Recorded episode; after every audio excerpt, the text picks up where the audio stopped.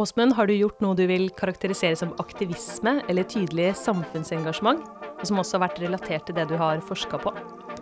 Nei, ikke direkte relatert til eh, forskninga mi, men eh, for noen år siden så gikk jeg i Pride-paraden sammen med arbeidsgiveren min, Universitetet i Oslo. Det var både litt fint og litt eh, frustrerende. Men hva med deg da, Lina? Og livet som aktivist? Ja, jeg har gått i noen demonstrasjonstog, og jeg har mista oversikt over antall underskriftskampanjer jeg har signert. Og de fleste der har handla om klimaomstilling og miljøutfordringer, og det har jo vært en sentral del av forskninga mi. Ja, for jeg lurer på om det er sånn at vi forskere burde være enda flinkere til å demonstrere og rope høyt. Ja, la oss høre hva andre unge forskere tenker om dette. Dette rører jo ved et eget viktig og interessant prinsipielt spørsmål. Det er jo faktisk en læringsprosess også. Man blir bedre etter hvert. Vi som forskere og akademikere har et uh, ansvar. Men selvfølgelig, det tar mye tid. Ta mye, ta mye, ta mye tid. Jeg gir jo råd noe som jeg vet at jeg selv ikke alltid klarer å følge, men som jeg kanskje ønsker å følge. Hei og velkommen til Forskerrådet. Jeg heter Lina Ingeborg og sitter i studio sammen med Åsmund Eikenes.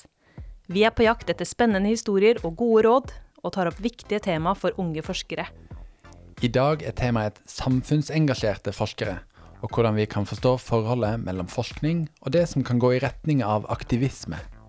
Ja, i høst gikk det f.eks. en debatt om forskeres rolle i miljø- og klimapolitikk der profilerte forskere gikk ut og oppfordra folk til å stemme på partier med tydelig miljøprofil, med belegg i vitenskapen.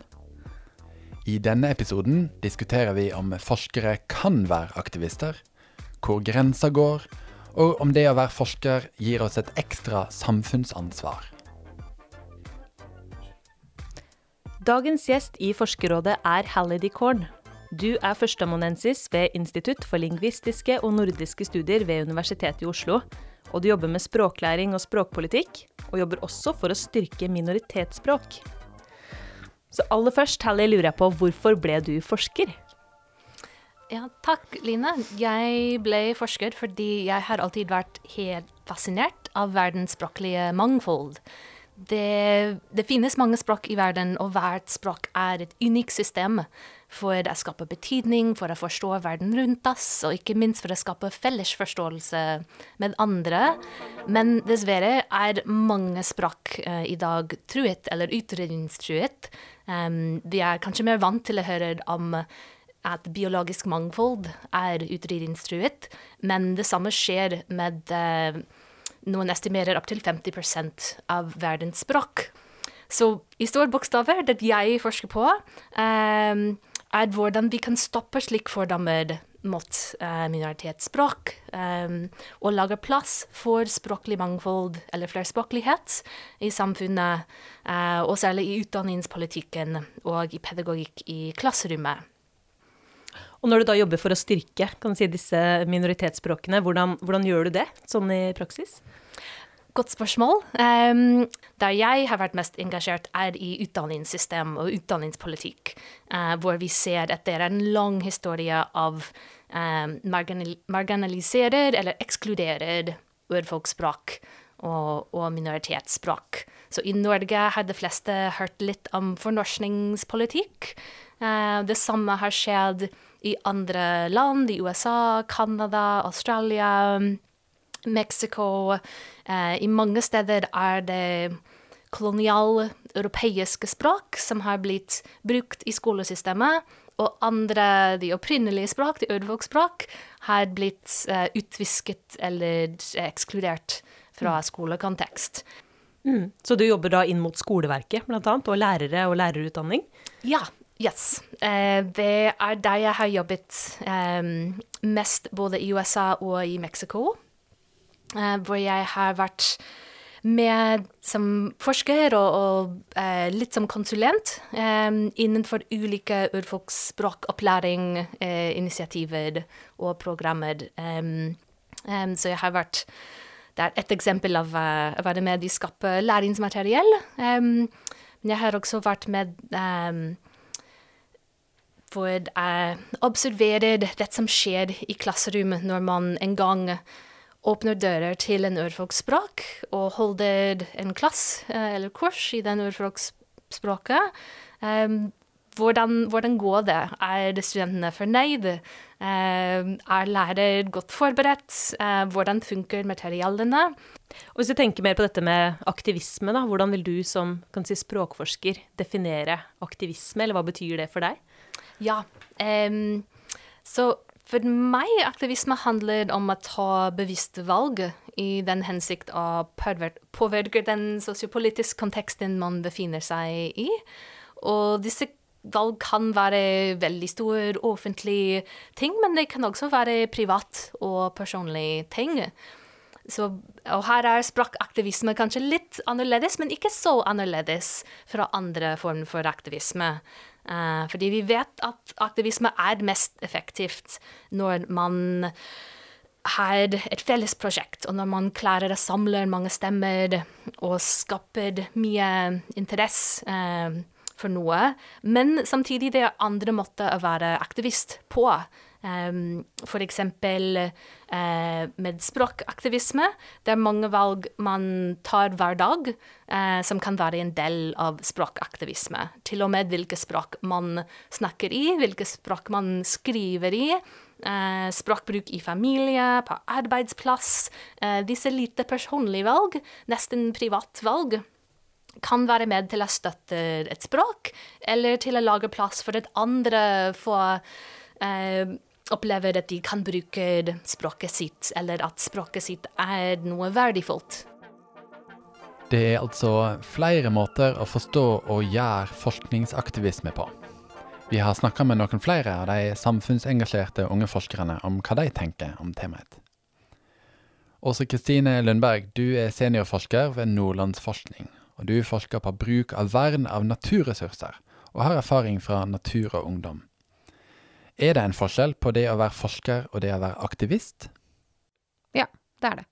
Og jeg tror det er kjempeviktig å være klar over den forskjellen, at som forskere så forholder vi oss til forskningsetiske retningslinjer, vi har eh, vitenskapelige metoder, alle disse tingene som man ikke trenger når man er aktivist. Da argumenterer man, man, man har jo et ståsted og mener noe.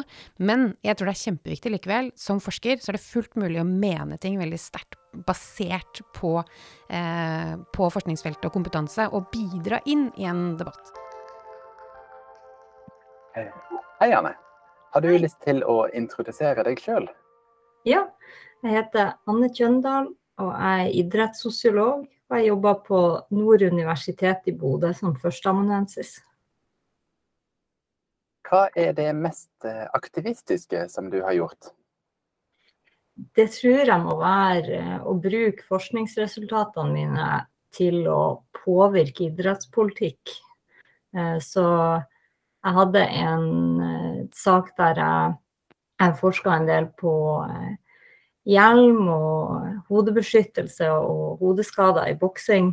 Eh, og da har jeg brukt måte, funnene fra den forskninga eh, til å få eh, det internasjonale bokseforbundet til å gå for en eh, reinstallering av hjelmen for herreboksere da, i eh, konkurranse. Hei Ragnhild, har du lyst til å introdusere deg sjøl? Ja, jeg heter Ragnhild Frengdale, er sosialantropolog og jobber som seniorforsker ved Vestlandsforskning. Hva er det mest eh, aktivistiske du har gjort? ja, hva det jeg ikke har gjort, holdt jeg på å si. Jeg har um, Kanskje det mest aktivistiske jeg har gjort, er jo at jeg var med i Occupy-bevegelsen da den uh, havnet utenfor St. Paul's Cathedral i London uh, tilbake i 2011, vel. Uh, og så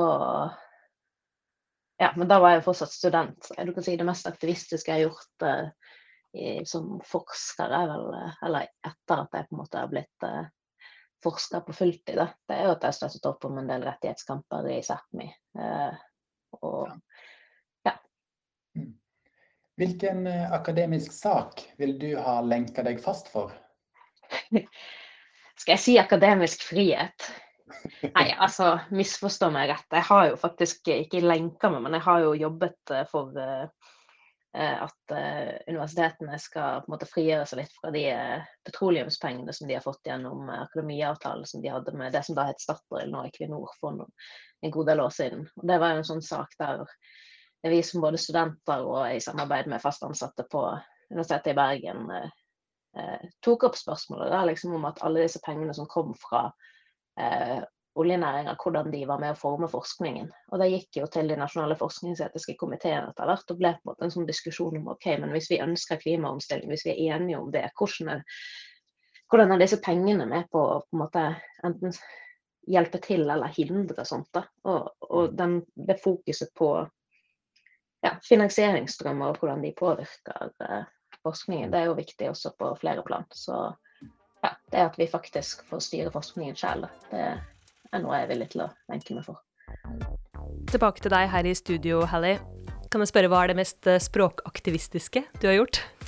Ja, um, det er ikke så mange eksempler av dramatisk språkaktivisme, altså. Um, men jeg har vært med på mange mindre aksjonhandlinger um, med mål om å skape mer plass til bruk av urfolksspråk og minoritetsspråk, eh, som annet eh, samler datoer som da er brukt innenfor juridiske prosesser for å få rettigheter til urfolksspråk, lærer innenfor skolesystemet, eh, være med til å lage læringsmateriell, eh, være med til å argumentere for mer plass for disse språk inn i, inn i eh, skole lope, f.eks.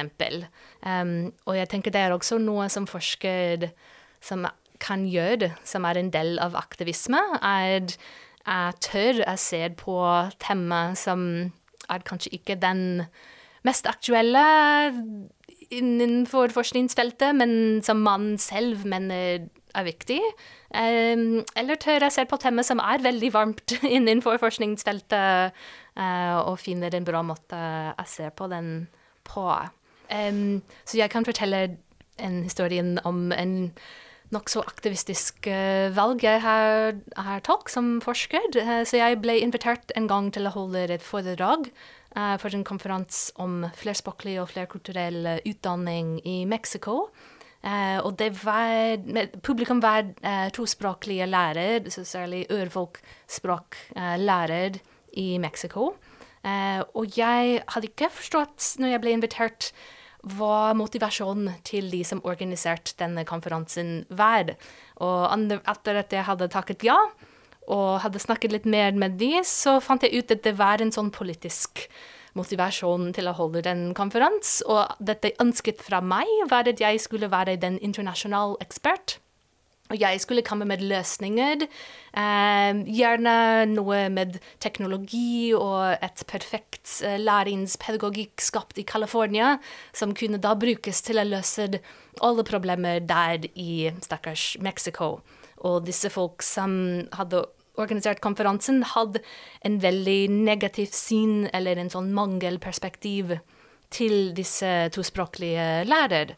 Uh, og det er veldig forskjellig fra min egen syn, etter at jeg har forsket i denne kontekst og vært mye sammen med, med disse folk. Um, så jeg kunne ikke holde en foredrag hvor jeg skulle bare snakke ned uh, og om uh, hvordan det kunne være bedre hvis man brukte andre systemer fra USA, f.eks. Uh, så innenfor foredraget mitt så måtte jeg ta opp de utfordringer som tospråklige lærere og elever møtte i Mexico.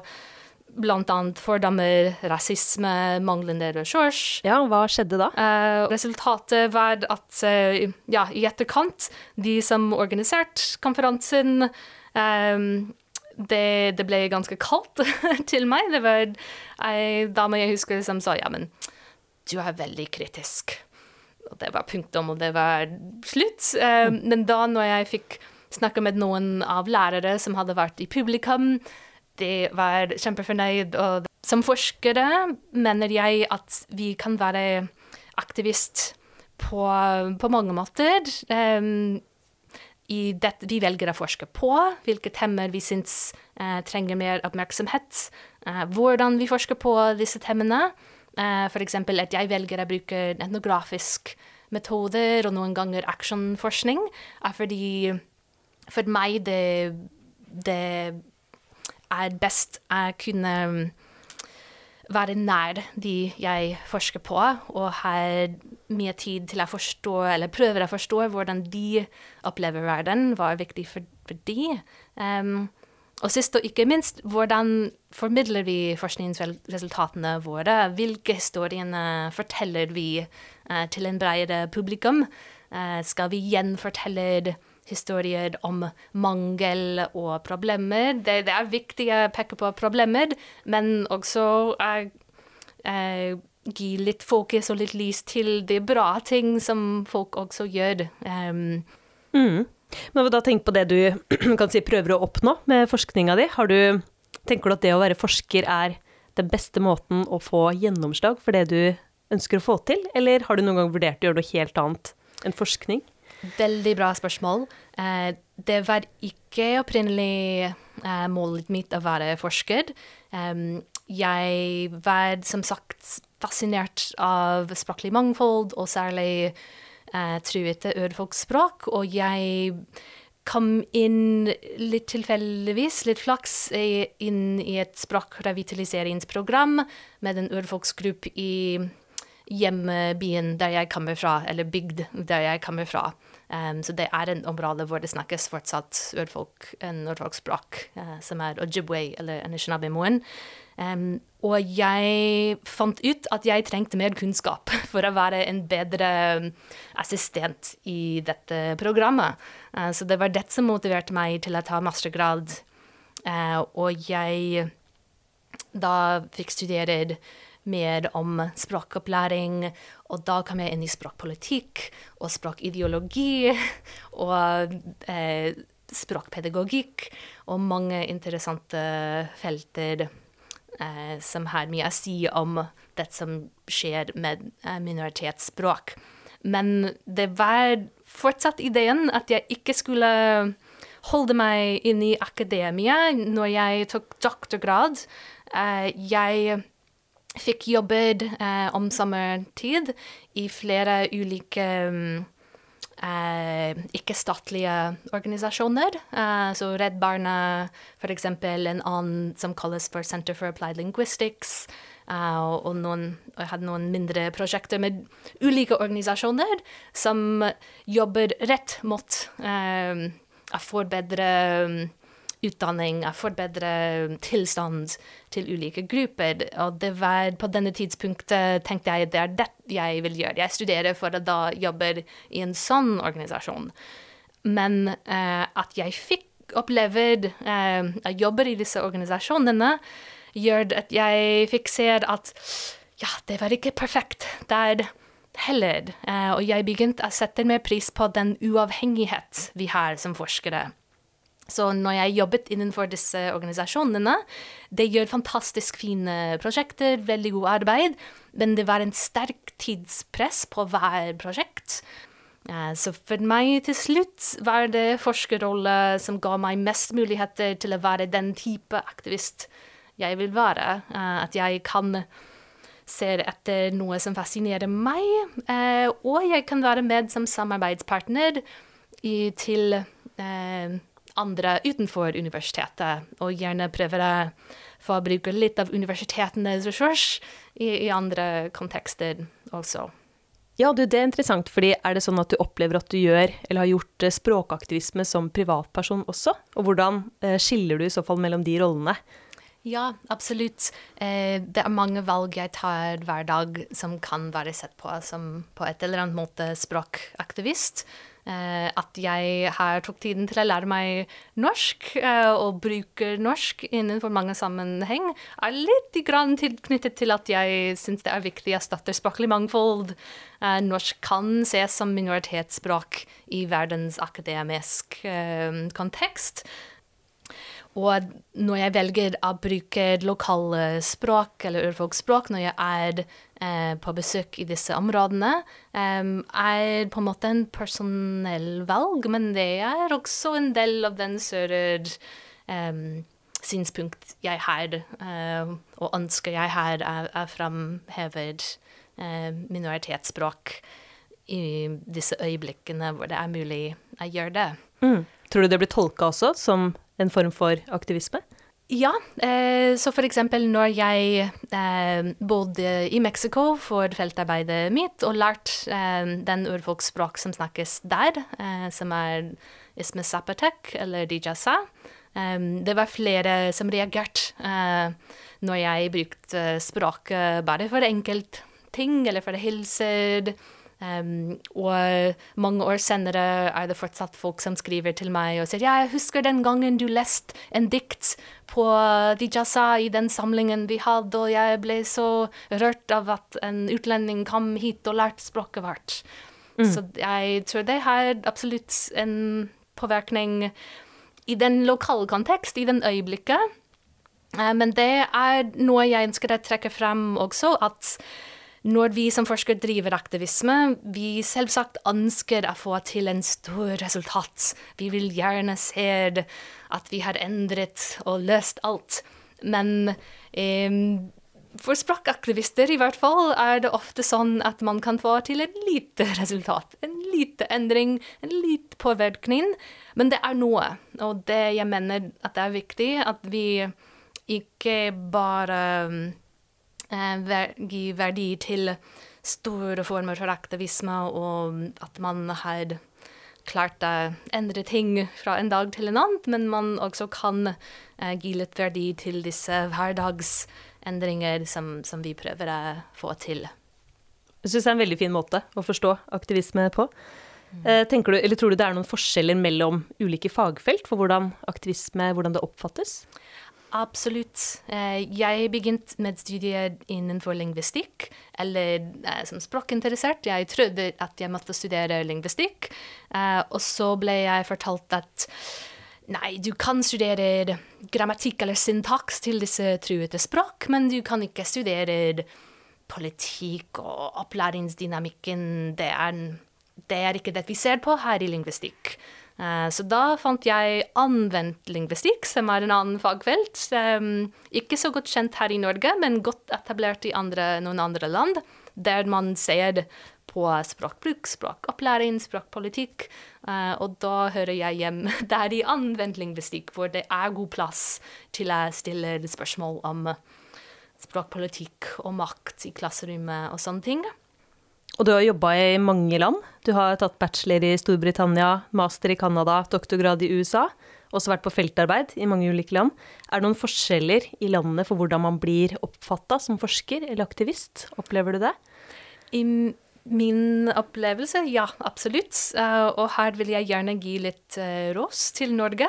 Det er i Norge at jeg har opplevd at uh, forsker er mest vant til å stille opp i media, til å skrive kronikk, eh, og til å tenke på hvordan de kan formidle forskningsresultatene ut til en større publikum. Mm. Men bare litt mer sånn åpent spørsmål. Er da samfunnsengasjementet eller um, aktivismen, går det innenfor den sekke betegnelsen formidling, eller er det noe annet? Ah, ja.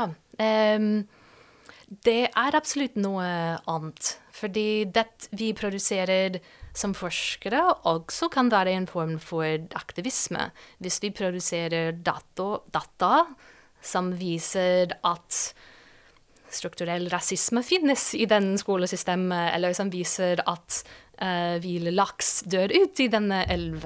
Uh, disse data kan absolutt være en viktig redskap eller utstyr innenfor en aktivistisk eller politisk prosess. Um, så nei, jeg, for meg er mange deler av forskningsyrket uh, uh, noe som tilknyttes til aktivisme, ikke bare den sluttresultat med formidling. Den britiske biologen Charlie Gardner med kolleger han har skrevet en artikkel kalt 'From Publications to Public Actions', der de argumenterer for at forskningsinstitusjonene bør la forskerne bruke minst 10% av arbeidstida til samfunnsengasjement. Og de argumenterer også for at institusjonene her bør oppmuntre til perioder med forskningsfri, der forskere kan jobbe med organisasjoner og politikk. Eh, hva tenker du om det? Det høres veldig bra ut for forskere som meg, og jeg tror også forskere som deg. Um. Og jeg tenker at det er en del som universiteter eller institusjoner kunne gjøre for å gi oss bedre støtt til sånn engasjement. Um, Blant annet uh, vi har kommunikasjonsrådgivere. Eh, jeg kunne gjerne sett for meg en engasjementrådgivere som kunne hjelpe med sånne eh, prosjekter. Det kunne også være en måte å få litt mer forståelse for hvordan ja, politikken fungerer på feltet, og hvilke utfordringer disse organisasjonene, som kanskje er tett på praksisfeltet, står i også. Ja, absolutt. Det er altfor lett for oss i akademia. Jeg begynner å være litt eh, adskilt fra det som skjer, skjer, det som skjer der ute utenfor den uh, Ivory Tower av akademia, og det er viktig at vi ikke mister kontakt og mister um, forståelse for disse problemstillingene. Hvilken rolle mener du aktivisme bør ha da, som en del av forskerlivet? Jeg mener at vi som forskere kan anerkjenne at vi er samfunnsborger, at vi ikke er adskilt fra det som skjer, skjer, der ute. Og selv om vi har en spesiell rolle hvor vi prøver å holde oss eh, så mest mulig objektivt eh, Jeg er samfunnsforsker, så jeg tror ikke å være helt objektivt er mulig, men vi prøver gjerne å være grundig, å være nøyaktig. Um, og mest mulig objektivt. Um, men samtidig, vi er ikke separat fra politikk og separat fra samfunnet. Uh, så jeg tenker først og fremst at vi kan uh, bare anerkjenne at forskere er også politiske aktører, uh, og vi kan gjerne da være bevisst på hvordan vi engasjerer i den politikken som skjer rundt oss. Vi pleier å avslutte Forskerrådet med at gjestene gir noen råd til lytterne. Vi har spurt Åse Kristine, Anne og Ragnhild om hvilke råd de vil gi til unge forskere som ønsker å ta en tydeligere aktivistrolle. Det er, må jo være å se seg selv som en del av samfunnet, og at den forskningen man driver med, at den i høyeste grad er politisk. Altså det, på tvers av fagfelt. Eh, men også bare ønske om å bidra, da. Um, og, og, gjøre det. Altså delta i det offentlige ordskiftet, skrive, uh, være synlig, da.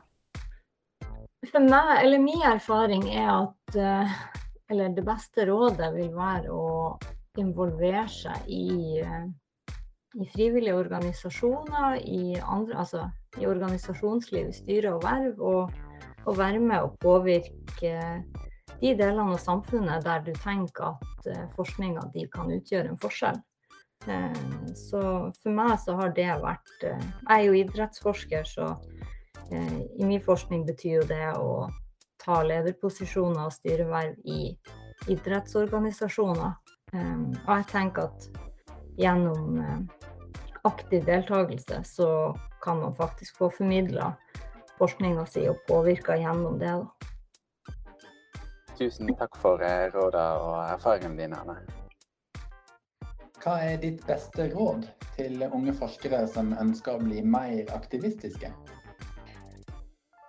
Tenk at du ikke skal være redd for å kaste deg ut i det, da. Altså enten det er en debatt eller om det er andre ting. At man stoler på at du står så støtt både i din egen fagkunnskap og i den andre fagkunnskapen som du lener deg på da, hvis, du, altså hvis du jobber med en konkret sak der du har noe eh, å bidra med, der du mener at, eh, at, den kunnskapen du har, på en måte burde få, eh, få betydning for avgjørelser som blir tatt, eller noe sånt.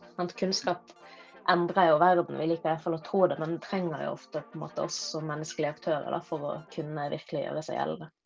Og hva med deg, Halli? Hvilke råd vil du gi? Ja, først og fremst, ikke være redd. Det, det, selv om jeg ble fortalt tidlig i forskerkarriere at nei, du kan ikke se på disse truete språk, du må velge noe litt mer sånn mainstream. Og jeg valgte å gjøre det likevel, og det har åpnet mange dører for meg. Så ikke vær redd. Jeg går etter det som du brenner for. Jeg vil også si at det er viktig at vi eh, er bevisst på hva slags resultat vi kanskje får eller ikke får i, i, i aktivisme eh, vårt. Eh, så vi blir vant til å måle forskningsresultatene i artiklene, i konferanse vi har vært på, men aktivistresultatene er ikke så lett å måle. Det kan være ting du har gjort, og du har ikke sagt, uh, sett et resultat, men det kan være at et resultat skjer over lengre tid. Du har plantet et frø, f.eks., og det, det blir en endring litt etter hvert. Jeg vil også si at det er viktig at jeg ikke prøver å være den perfekt aktivist. Eh, jeg har faktisk sånn uh, imposter syndrome.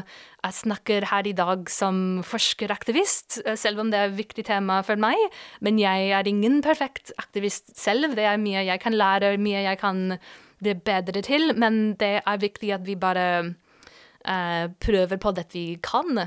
Og sist og ikke minst, jeg vil også minne på om at aktivisme skjer gjerne i et nettverk eh, eller i et kollektiv. Eh, og vi som forsker noen ganger ser på oss som individ som skal jobbe helt alene. Men eh, som aktivist må vi også være bevisst over hvem er det vi jobber med. Eh, hvor godt er vi sammen eh, og samkjørt med de, eh, og eh, tilpasser oss til den, disse opp- og nedgang som skjer helt naturlig i kollektivsamarbeid og i nettverksamarbeid. Det var veldig gode råd. Tusen takk for at du kom til Forskerrådet, Halle. Tusen takk.